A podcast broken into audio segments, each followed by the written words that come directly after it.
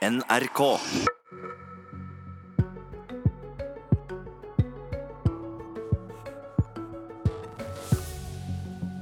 Legg bort drillen og finn fram fiskesnøret. Kravet kommer fra Ungdomspartiet, som har gjort ei heilomvending og nå vil verne Lofoten og Vesterålen for oljeutvinning.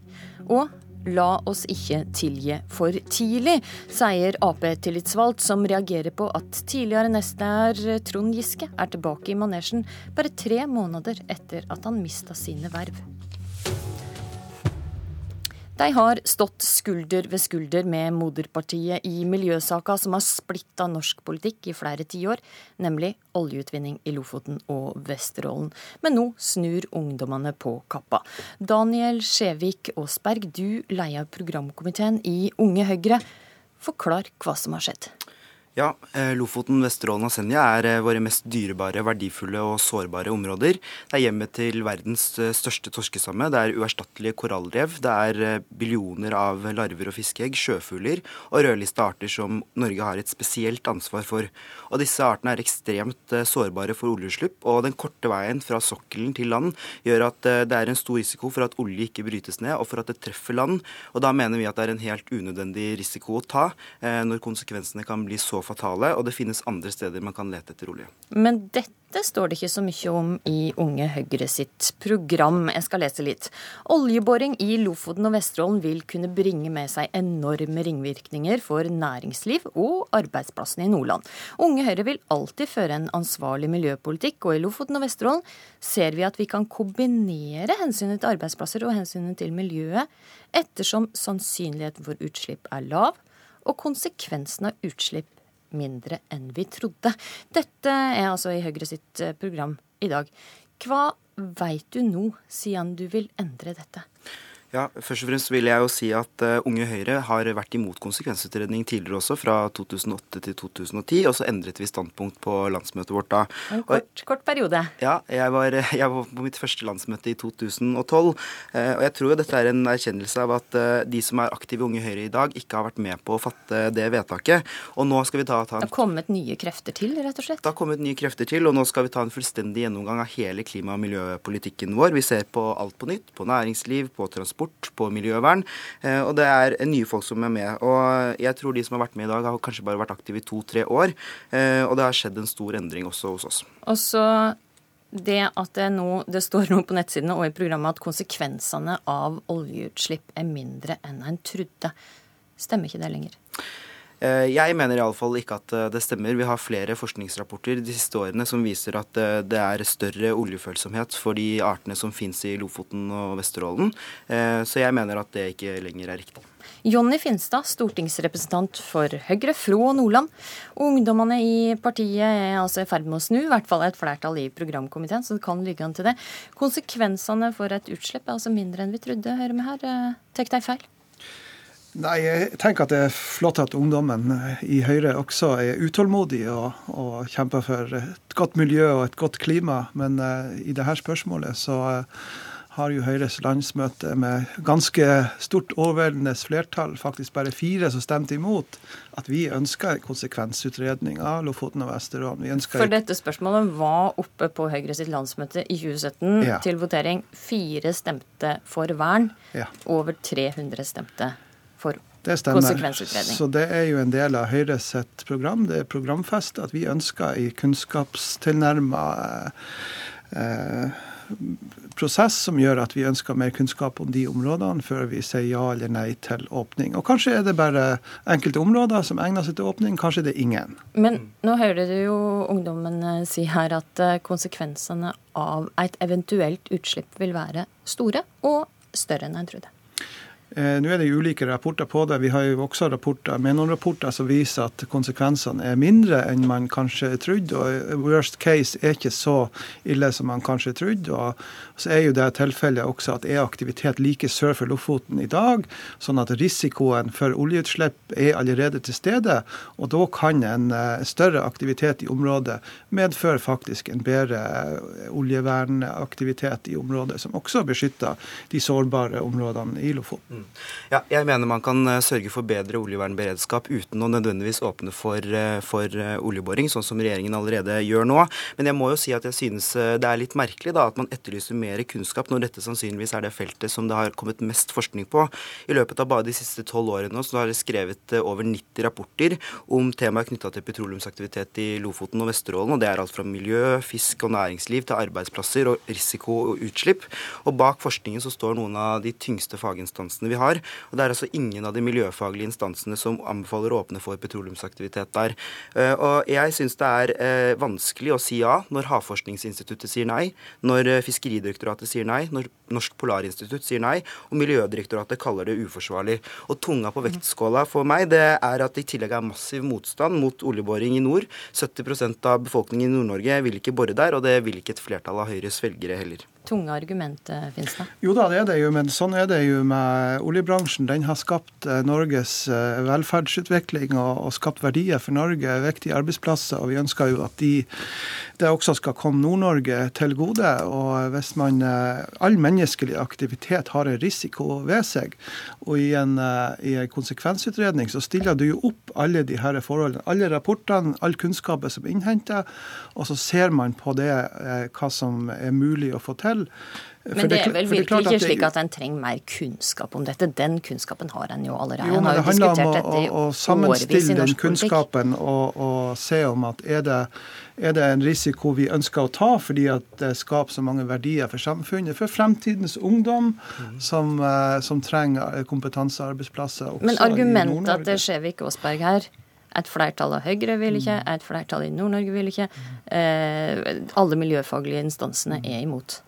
Jo da, og det er klart at uh, det er vel ingen rapporter fra Havforskningsinstituttet eksempelvis som anbefaler oljeaktivitet og skulle vi ha fulgt sånne enkeltrapporter, så hadde det ikke blitt noe oljeaktivitet i, eh, i Norge. Så, så, det er jo om vi skal la ett et område gå foran et annet område. Vi må se det i en sammenheng.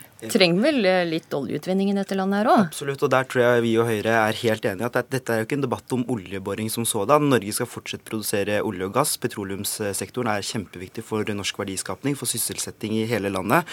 Og det dette handler om, er jo hvorvidt vi skal verne de mest sårbare og verdifulle områdene områdene som vi har. Og jeg mener at det finnes mange andre steder man kan bore etter olje i, på hele sokkelen. Og jeg tror at eh, hvis man tar en eh, titt på kart over norsk kontinentalsokkel, så ser man det at eh, det er mange andre steder man kan lete etter olje. Hvorfor ta de aller mest sårbare områdene, Finstad. Et argument for det er jo kanskje det at gjennom å, ta sårbare områder, eller som, som, hvor vi kan utvikle ny teknologi, vi kan stille verdens strengeste krav, sånn at uh, vår leverandørindustri kan uh, utvikle ny teknologi og nye arbeidsplasser som er fremtidsretta, og som vi kan eksportere til resten av verden og faktisk utgjøre en forskjell for hele verden, som kan være positivt for miljøet og klimaet i hele verden. Hvis, hvis Så da er du villig til å godta den risikoen det er for et oljeutslipp? Altså, Vi må jo vurdere det i en konsekvensutredning. Det er jo akkurat det å stille opp de her eh, forholdene mot eh, hverandre, og, og, hva som gir mest positiv effekt mm. for nasjonen Norge. Mm. Og jeg syns jo også at Unge Høyre kanskje bør se på hele verden under ett. fordi at olje og gass er faktisk en av fremtidsløsningene. Det er en av løsningene. Verden vokser. Verden trenger mat. Mer mat, mer energi hvis vi skal få vekst i de fattige landene. Og nå må vi erstatte forurensende kullkraft. Vi må erstatte mer forurensende energikilder med, med, med norsk norsk olje og gass som er mye mer miljøvennlig. Mm. Jeg, jeg, tror det er mange andre muligheter for Nord-Norge og for Lofoten og Vesterålen eh, og Senja enn eh, å åpne for oljeaktivitet eh, der. Jeg tror det viktigste for både oss i Høyre og, og Unge Høyre er at de som kommer fra Nord-Norge er glad i stedet vi kommer fra. Det, det, er at det skal være muligheter for unge folk å flytte tilbake. Og da tror jeg ikke det, det spiller noen rolle om de arbeidsplassene som er i Lofoten og Vesterålen skapes av eh, olje og gass eh, eller havbruk, fiskeri, mineraler. Vi har havvind, vi har turisme. Det det er så uendelig mange andre muligheter som vi kan bruke de arealene til. Eh, og jeg er redd, at, eh, redd for at vi i stedet for å rigge oss for, for en fremtid som vi har foran oss, så, så rigger vi oss for en næring som har framtida bak seg. Og det er enorm risiko, og den retninga den syns ikke jeg vi skal gå i. Daniel Skjevek Aasberg, det er altså et flertall i programkomiteen i Ung Høyre. Landsmøtet er i juni. Hvordan ser du på mulighetene for å få flertall for forslaget på landsmøtet? Ja, Tidligere så har det jo vært eh, et stort flertall for konsekvensutredning også i Unge Høyre, og det skal man jo ikke kimse av. Jeg tror det blir veldig spennende å se. Det er viktig nå at vi får en god debatt om disse tingene. Og det er landsmøtet som bestemmer til slutt. Men spør du meg personlig, så håper jeg at landsmøtet vil være med på at det er andre muligheter for Lofoten og Vesterålen enn oljeboring. Vi får vente og se. Daniel Skjevik Aasberg og Jonny Finstad, takk for at det kom til Politisk kvarter.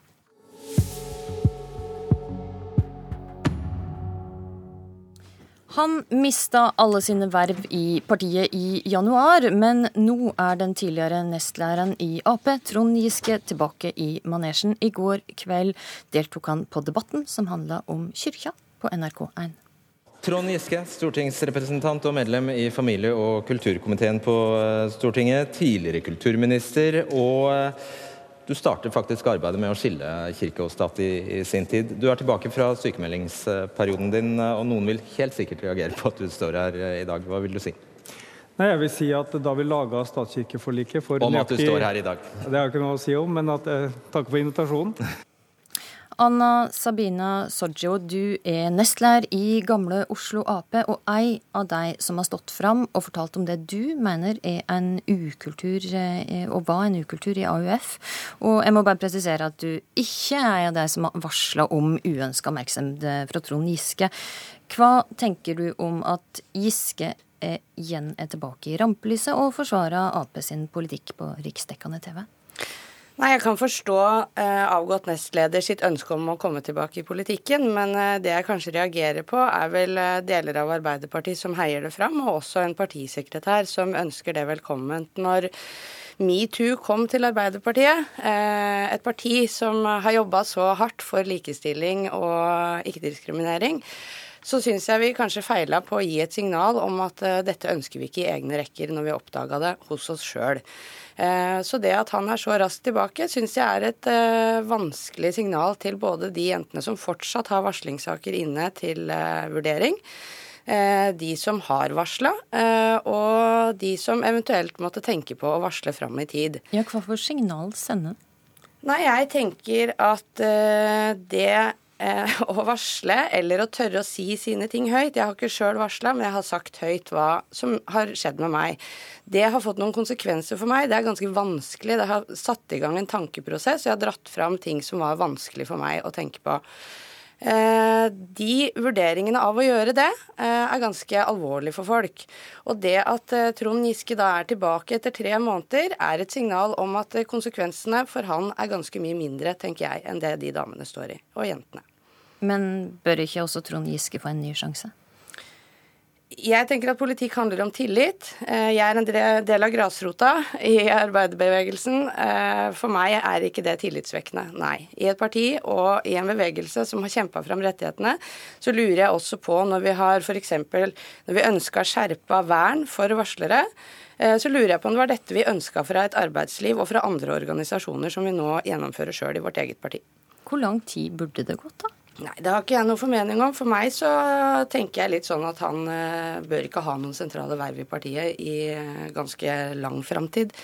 Mm, Giske har uh, fått et verv eller en tillit som i et idénettverk i Trøndelag Ap. Nå er det litt uklart om han faktisk skal leie dette nettverket eller bare delta, slik partileder Støre hevda.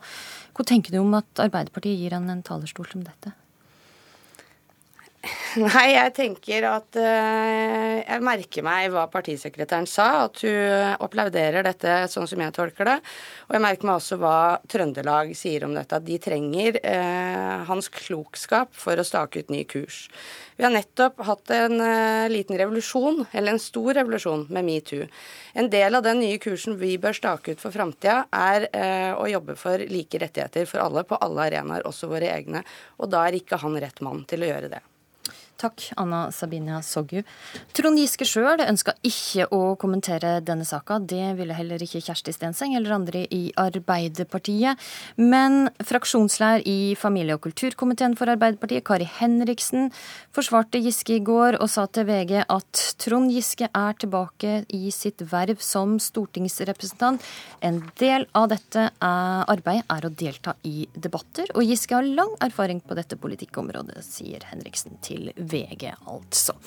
Og med det er Politisk kvarter slutt. Husk at du kan laste ned vår sending som podkast, så får du den rett til din mobil hver morgen. I studio i dag var Astrid Randen.